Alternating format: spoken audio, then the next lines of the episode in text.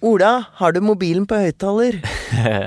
Her er det ingen som hører på, Marie, så du kan bare sette i gang og sjikanere medarbeiderne dine i Dagbladet hvis du vil. Vi driver jo ikke med sånn i Dagbladet, Ola. Eh, det er lenge siden Dagbladet faktisk var en venstreavis. Men vi har større opplag enn det. Venstre er faktisk så små at vi kanskje burde la dem ligge nede. Eh, men det kan vi jo ikke. Våre gamle venner er i trøbbel, og sentrum er igjen erklært dødt. Men tro det eller ei, det fins faktisk viktigere ting her i livet enn sentrum i norsk politikk. Vi skal også snakke om den omstridte FNs migrasjonspakt, eh, og forhåpentlig komme til bunns i hva den faktisk handler om. I think it's a disgrace. Jeg syns det blir litt spesielt. At Dagbladet driver med Donald Duck-journalistikk, det kjenner vi alle til. Men dette holder ikke. Du snakker jo bare visvask av arbeidslivet. Helt useriøst. You are fake news. Go ahead.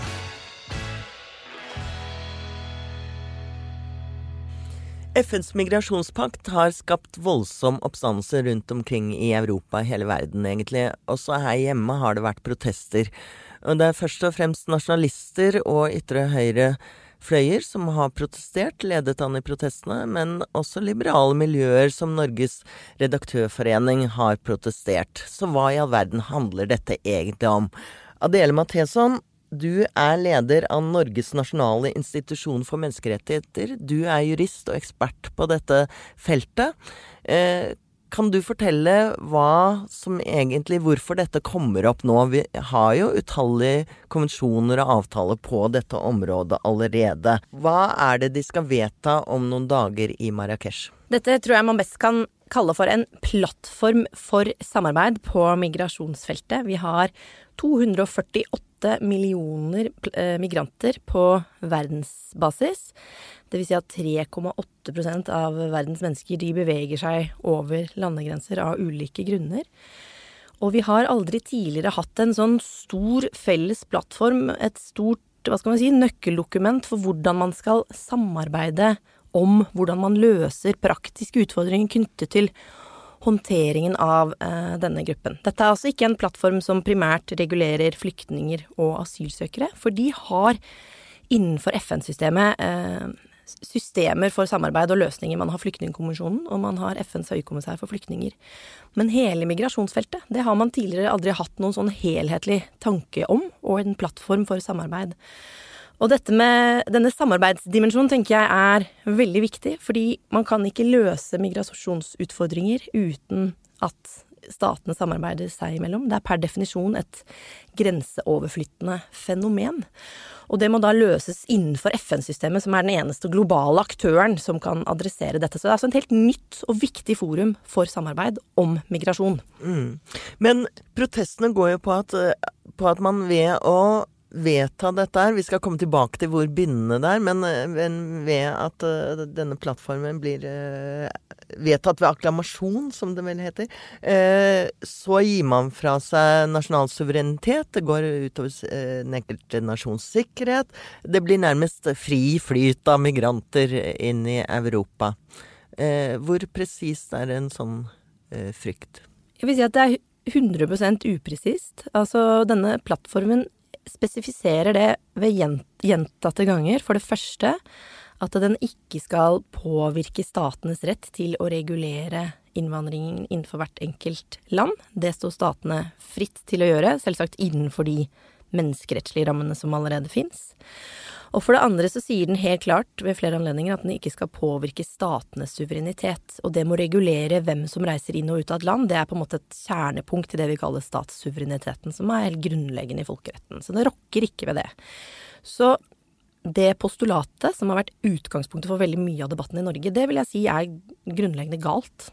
Men, men, hva kommer av Er det folk eh, klarer ikke å lese tekst, eller eh, hva er grunnen til at eh, denne misforståelsen er blitt så utbredt og til og med blir debattert som et premiss i NRK?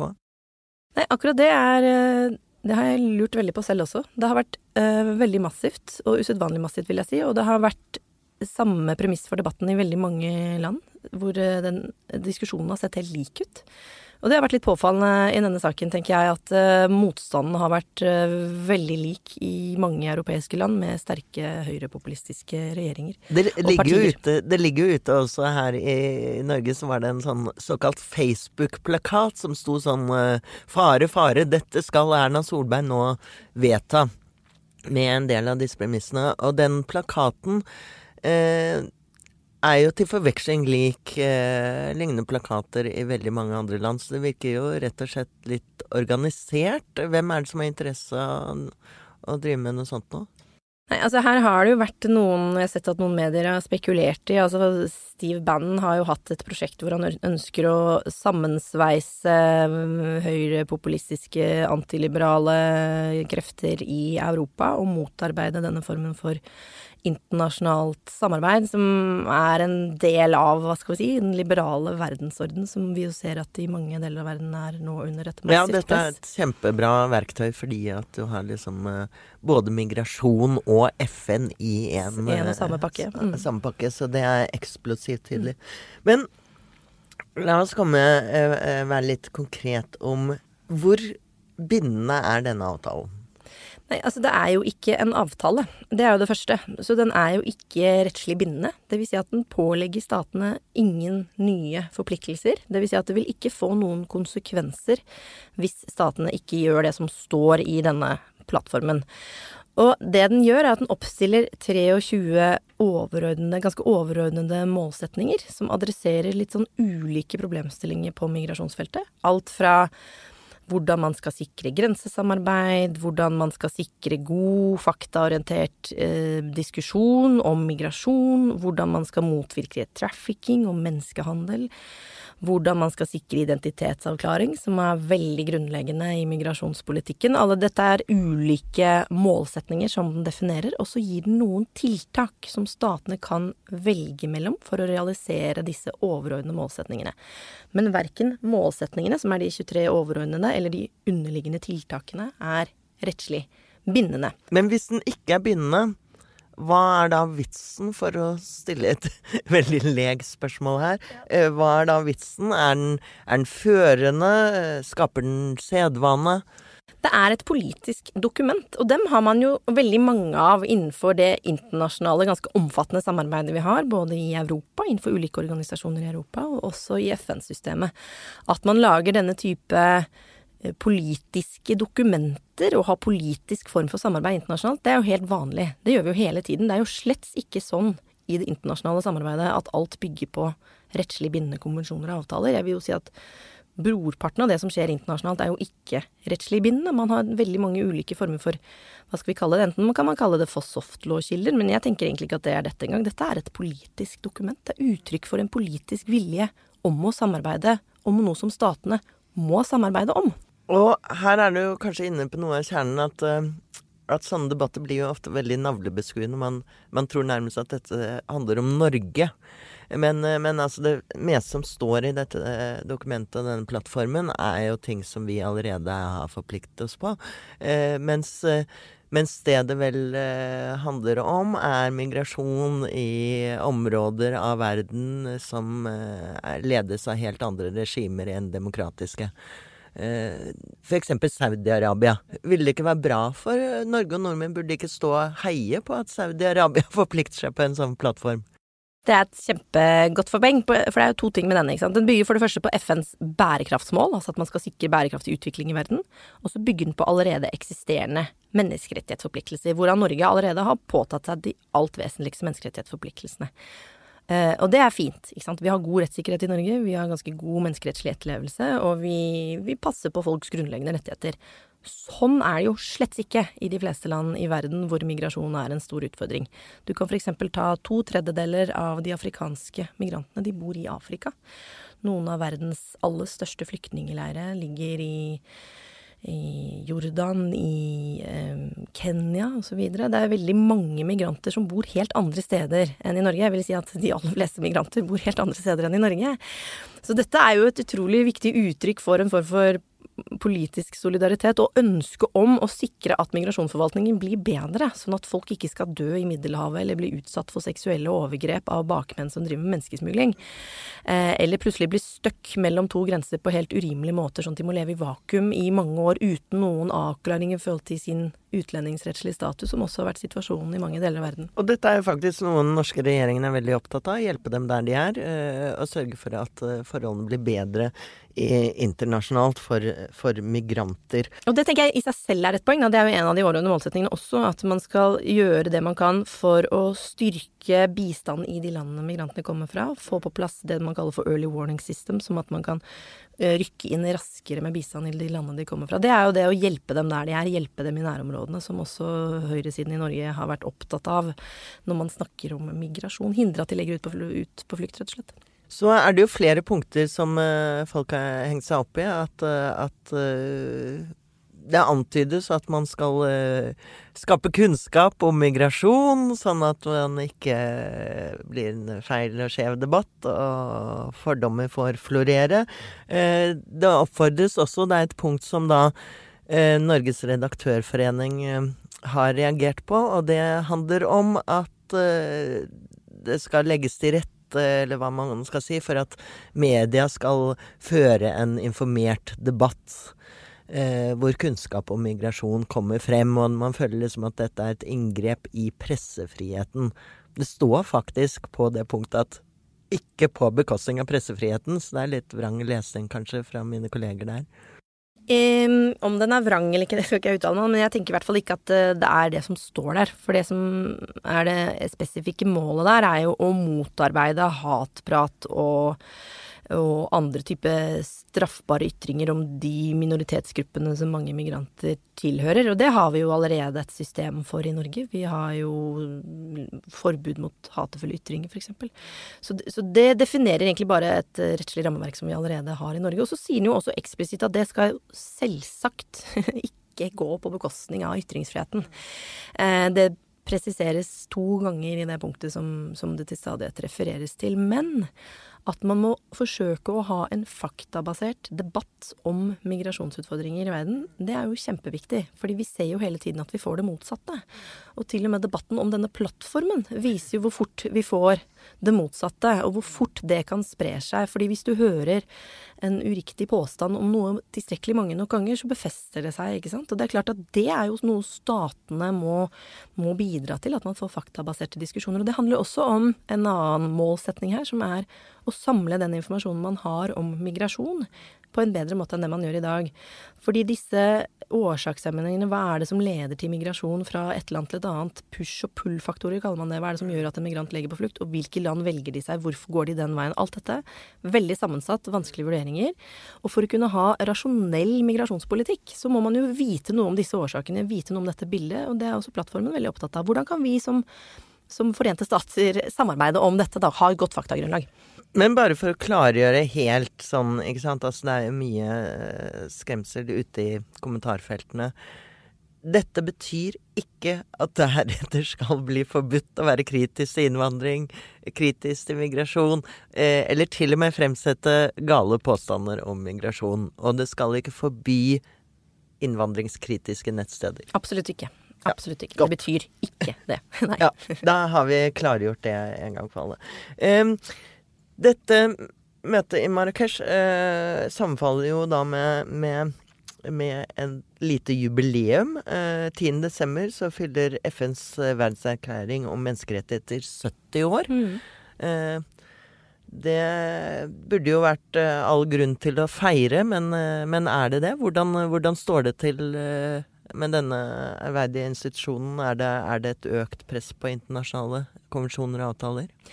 Jeg syns også den sammenhengen var litt påfallende, egentlig. Altså, det er som du sier, Verdenserklæring for menneskerettigheter fyller jo da 70 år. Det var jo noe som ble utarbeidet etter andre verdenskrig eh, som et forsøk på å eh, sikre at det man hadde sett da gjennom første verdenskrig, ikke skulle gjenta seg. Etablere noen faste ytre rammer eh, for hva politikere kan bestemme. For som vi jo vet, så er ikke demokratiet en tilstrekkelig beskyttelse mot overgrep i flertallets navn. Det hadde vi da lært, og så forsøkte vi å utvikle etter hvert mange rettslig bindende normer, mange rettslig bindende menneskerettighetskonvensjoner, for å ha noen felles ytre regler for hva en stat kan gjøre overfor sine borgere.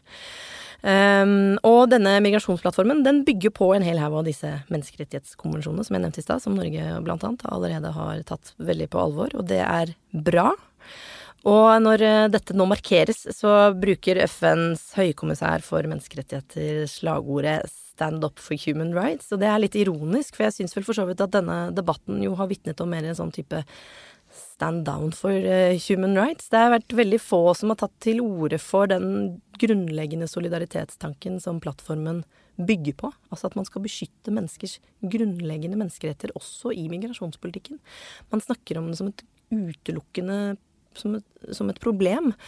Og ikke som en mulighet, som du har vært i veldig mange land. Migranten. Men hvem, hvem, hvilke stemmer er det du savner? Burde, burde Erna Solberg og regjeringen og politikere generelt eh, stå mer opp? Jeg tenker i hvert fall at eh, det er naturlig. Det har vært den norske linjen alltid. At vi er opptatt av å sikre menneskers grunnleggende rettigheter, om de bor i Norge eller andre steder i verden. Og det er jo også en regjering som har vært veldig opptatt av disse bærekraftsmålene. Det er kjempebra, som denne uh, plattformen også bygger på. I, i, I, forsvaret av plattformen så har man i stor grad vist til, og jeg, jeg forstår det, altså, man har i stor grad vist til at den vil muliggjøre returer, f.eks., for eksempel, fordi den vil bidra til identitetsavklaring. Den vil muliggjøre bedre grensesamarbeid, som gjør at vi ikke får så mange migranter til Norge. Eh, man har fokusert på den siden ved plattformen, og det er for så vidt bra. Men den er jo noen veldig positive sider i den også, som handler om å beskytte grunnleggende rettigheter.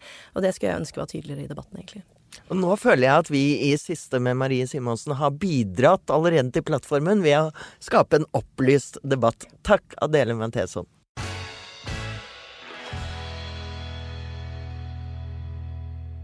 Vi må jo snakke litt om uh, ukas store politiske snakkis. Uh, Venstre Store er kanskje et eh, feil begrep når det gjelder Venstre, men eh, avdelingssjef for politisk i Dagbladet, Mats Rønning. Har du tall på hvor mange ganger Venstre er blitt erklært død? Nei, eh, det har jeg ikke, Marie. Og det tror jeg ikke redaksjonen faktisk ennå hadde klart å finne ut av heller. Men vi, vi husker jo responsen på landsmøtet eh, etter at det ble klart at de klarte å komme over sperregrensen to valg på rad. Det var første gang siden utjevningsmandatene kom i 89, og det skal ikke mye til å skape begeistring i Venstre, åpenbart. Mm. Men, men Trine Skei Grande, hennes eh, dager må vel snart være talte? Det er mange fra utsiden som stiller seg det spørsmålet, men det er vanskelig å se at uh, denne konflikten nå er uttrykk for en pågående fløykamp i uh, Venstre. Og uh, mange sentrale stemmer de holder sine Altså de, de hegner om Trine fortsatt. Så det er et åpent spørsmål. Men Ola, det, det, vi hørte som ble sagt på denne åpne mikrofonen, det var vel eh, det var vel først og fremst at det var fælt at det ble sagt, eh, men innholdet var vel ganske treffende, kanskje. Eh, Trine Skei Grande har grunn til å være stressa nå. Hvordan er ståa i partiet? Veldig, veldig dårlig. Eh, de gjør katastrofale, eller får katastrofale resultater på målingene. De har ikke klart å få tydeliggjort hva som er regjeringsprosjektet deres. Hver gang de har en ny sak eller en ny satsing, som f.eks. denne uka her, hvor Trine har lagt frem eh, den første frivillighetsmeldinga Norge har hatt på 10-11 år, så drukner det i internt bråk i partiet, eh, og i andre ting, andre kontroverser som om i regjeringen. Så der Venstre har jo ikke klart å få sette sitt preg på regjeringssamarbeidet i det hele tatt, og det synes også på, også på målingene. Så jeg tror både Trine Skei Grande og partiet og rådgiverne rundt og alle er veldig veldig opprørt og stressa over hvordan dette ligger an. Og så er jo bakgrunnshistorien til Venstre den samme som vi har sett i KrF i dag. At det var et litt sånn splittet parti. Det var ikke ensidig jubel over å gå inn i denne regjeringen? Nei, det kan, altså Mats kjenner kanskje til det litt bedre enn meg, men eh, nei, i likhet med, likhet med KrF så var de også splitta. Ja, det var oppsiktsvekkende å følge den prosessen i Venstre også. Spennende. Um, uh, det ble jo tydelig og, og, klart at både Terje Breivik og um, Odd Einar Dørum, altså nestlederen og si, partiveteranen per se i, i, i Venstre, var i, imot å gå inn i, i regjering. Altså, det har jo vært en diskusjon i Venstre hele veien, sånn som vi nå har sett i KrF, om dette er riktig å gjøre for partiet. Og, det har skapt høye skuldre gjennom hele våren, og spesielt i eh, høst, etter at det ble klart at Kristelig Folkeparti kunne komme til å vende ryggen til det borgerlige prosjektet og gjøre Støre til statsminister. For hva ville Venstre ha sittet igjen med da, etter ti måneder i regjering? De hadde ikke fått gjennom et statsbudsjett engang. Og, og, og det er klart at det kan jo også bidra til at det går en kule varmt for eh, noen og enhver disse småpartiene, det er mange som undrer seg. De har spilt en hovedrolle i norsk politikk nå i Særlig i høst, som de har eh, virker som om de bestemmer alt. Hvorfor har de så stor makt? Det er jo fordi at de to eneste reelle statsministerkandidatene vi har, eh, Jonas Gahr Støre og Erna Solberg, begge er helt avhengig av å ha eh, sentrumsmandater for å få flertall i Stortinget. Og det setter dem i en ekstremt god forhandlingssituasjon, selvfølgelig. Men sentrum er nå erklært dødt. Det har Dagbladet slått fast på lederplass etter at KrF bestemte seg for å gå inn. Og når Dagbladet skriver det på lederplass, er det sant? Eller er det det, Mats? Jeg tør ikke annet enn å slutte meg til det, selvfølgelig. Men uh, nei, altså uh, sentrumsalternativet som politisk selvstendig politisk kraft, altså det som er forstått som et samarbeid mellom Senterpartiet, KrF og Venstre, er for alle praktiske formål dødt, og har vært det i mange år. Men skal vi si, politikken som sentrumspartiene står for, de, den blir jo ført av regjeringa, ikke minst gjennom uh, statsbudsjettet. Vi ser, ser, det uttrykt ganske klart i budsjettavtalen, der eh, mange av stønadene f.eks. som går til, uh, til, disse gruppene som Kristelig Folkeparti har en særlig ømhet for, kommer inn på tross av Høyre og FrPs ønsker. og at det ikke er konsekvensutreda oljevirksomhet utafor Lofoten, skyldes jo rett og slett at uh, småpartiene effektivt setter en stopper for det, selv om det isolert sett er flertall for en, en slik uh, utredning på Stortinget. Ja, De skryter jo ofte at uh, de står for en slags motkultur i norsk politikk, og at resten av gjengen bare er noen Oslo-folk som sitter urbane caffè latte-drikkende mennesker som sitter her nede i sentrum. Men er ikke noe av problemet til Venstre at de kanskje er blitt litt uh, lite motkultur og litt mye caffè latte? Det er uh, en utrolig interessant dynamikk i Venstres stortingsgruppe fra uh, det ene valget til det neste. det var jo en periode hvor de bare hadde to representanter på Stortinget, og Unge Venstre var veldig toneangivende, slik at det liberale, urbane, moderne, framtidsretta Venstre kom klart til uttrykk. Og så kom det et nytt valg, og det kom nye representanter inn fra det klassiske distriktsvenstre. Og da fikk man det utslaget f.eks. at oppmykninger innenfor landbrukspolitikken, priskontroll, konsesjonslover og sånt, eh, ikke gikk igjennom, eh, på tross av at mange mer liberale stemmer i det partiet nok ønska at det skulle skje. Så, så, Venstre er jo et parti som veldig mange andre partier, eller kanskje alle andre partier unntatt eh, Høyre, springer ut av, og har i seg mange av disse spenningene som de har hatt i hele sin historie fortsatt det er ikke det beste utgangspunktet for disse regjeringsforhandlingene til eh, Erna Solberg Siv Jensen og Trine Skei Grande og eh, Kjell Ingolf Ropstad over jul. Hva må til for at det skal eh, lykkes? Ja, altså, eh, alle de fire som sitter eh, og holder i tømmene for hvert sitt parti, eh, det er i deres interesse at de lykkes, og det kommer de til å gjøre òg, etter all sannsynlighet. Men man skal forankre dette i sitt eget bakland, og det er jo det du er inne på, Maria, at det er ikke så, så lett nødvendigvis.